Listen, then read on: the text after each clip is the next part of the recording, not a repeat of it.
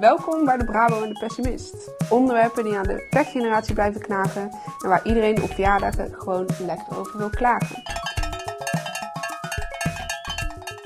Dus, Friso, waar kennen we elkaar van en waarom voelen we ons toch zo vreselijk achtergesteld?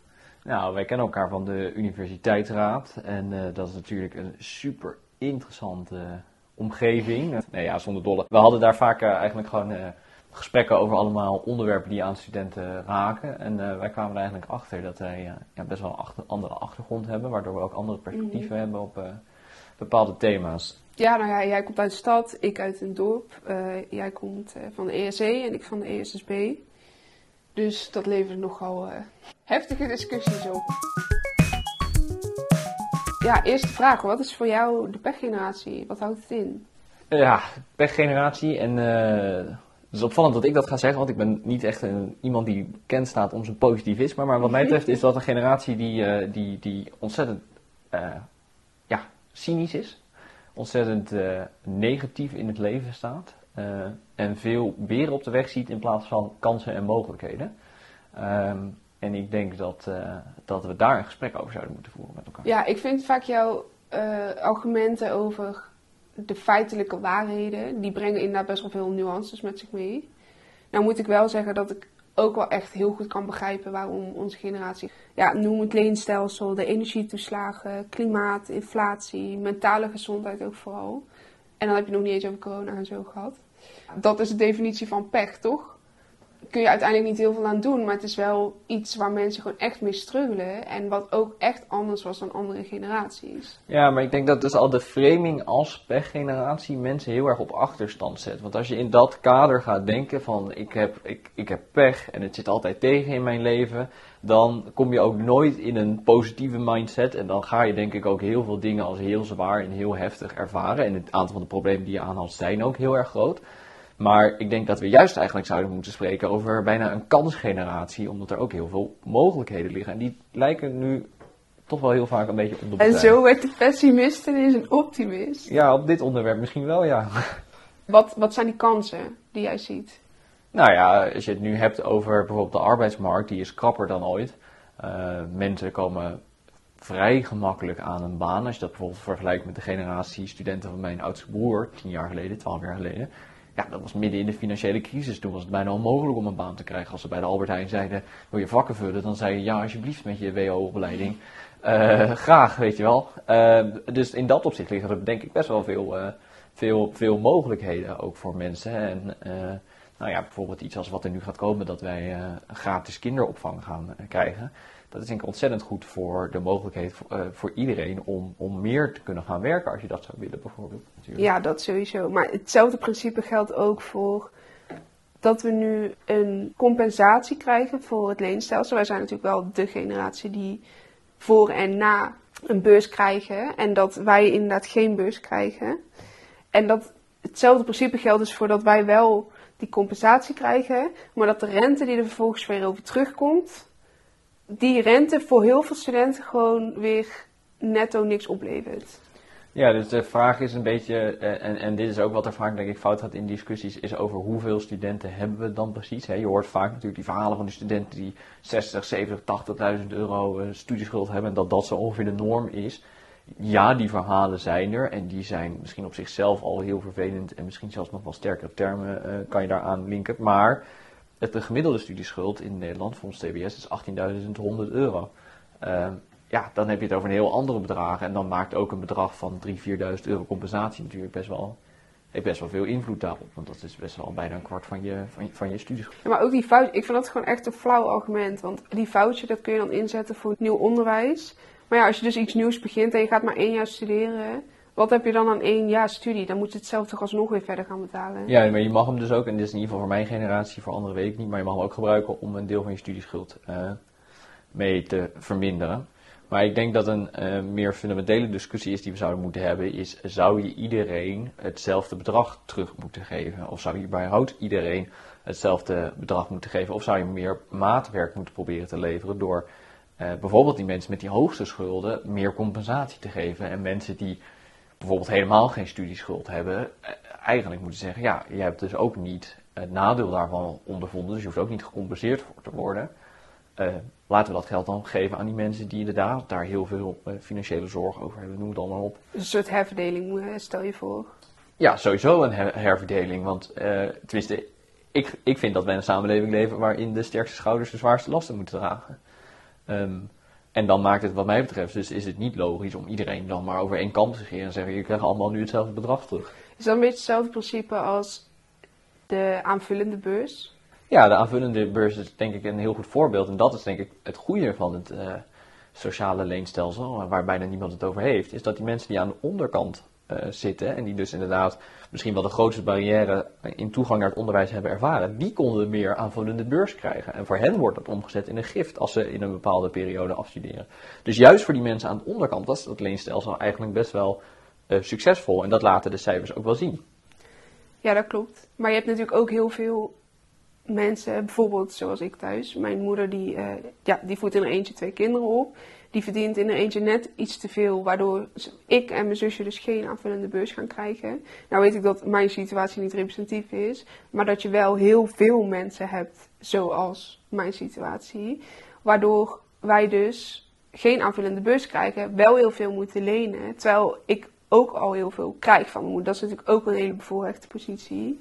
Ja, dat voorrecht zit natuurlijk in een veel meer dan alleen het geld wat je krijgt. Hè? Dus dat, is, dat, staat zonder, dat staat niet ter discussie. Dat, uh, uh, als je opgroeit in een bepaald milieu, krijg je daar van alles vanuit mee.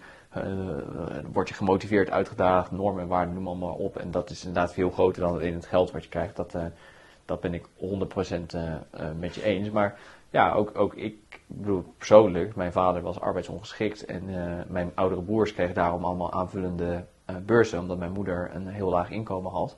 En zodra ik ging studeren, ging mijn vader met pensioen, waardoor hij opeens weer een te hoog inkomen had.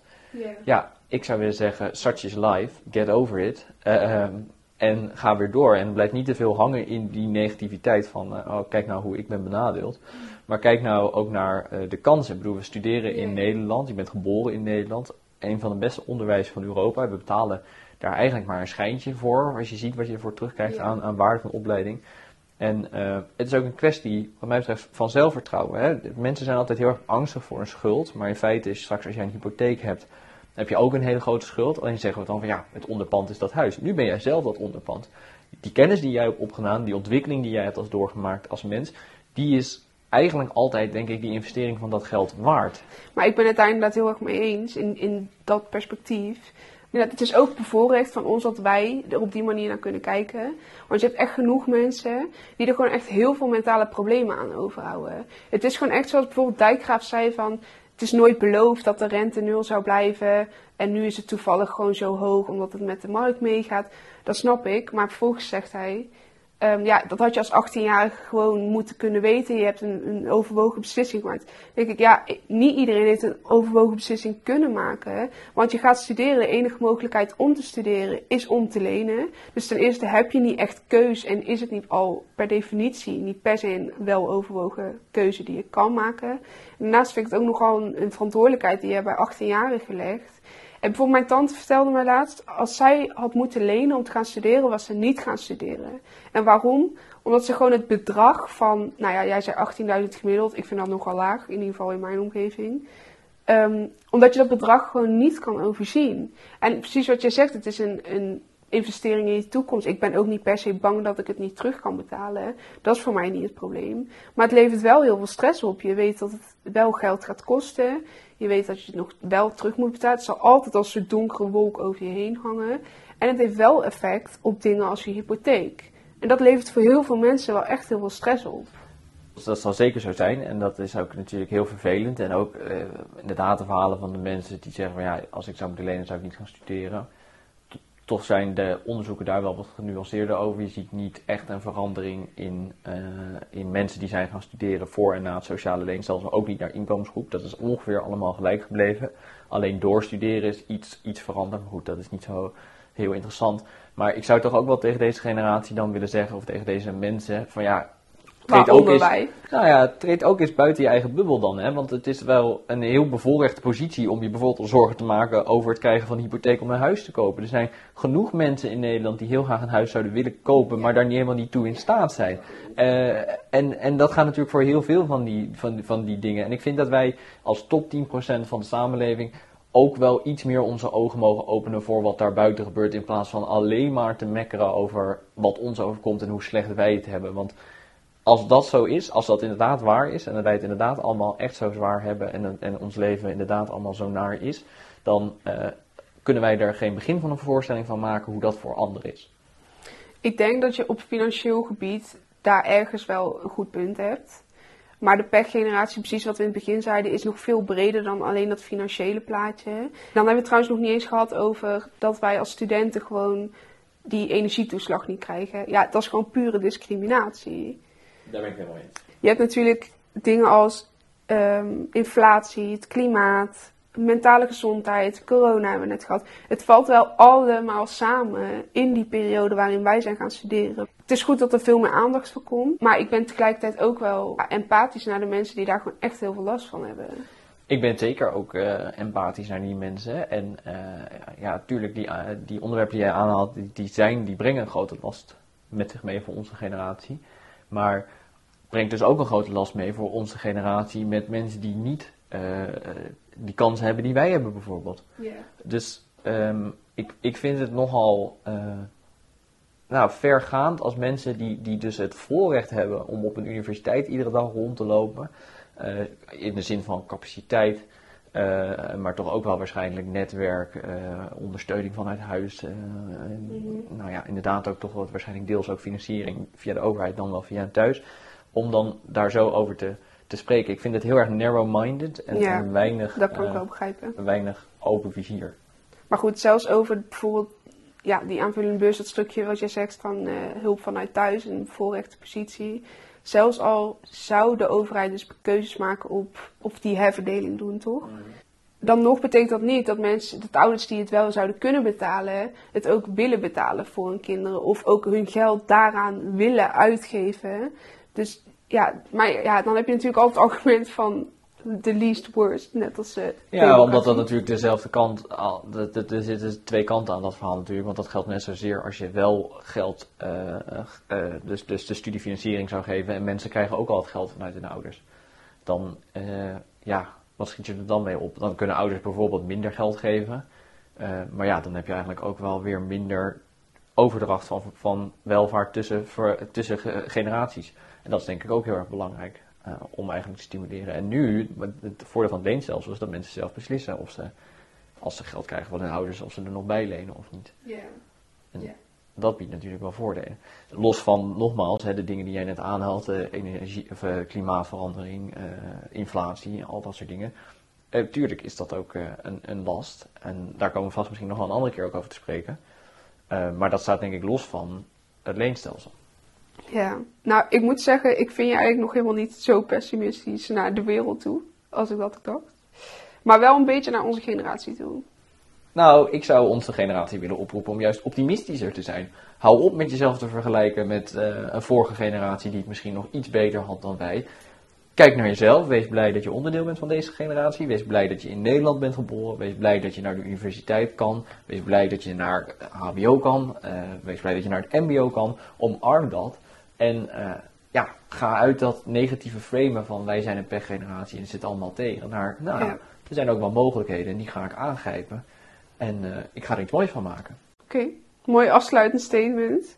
Ik denk mijn laatste oproep zou zijn aan minister Dijkgraaf. eh, verwacht niet te veel van 18-jarigen. Meneer, het is uw baan om dingen duidelijk te maken. En je kan niet alle druk op 18-jarigen leggen. En onze Amen. minister. Ja, nou, dag bedankt. Dat weten we. Houdoe. Houdoe.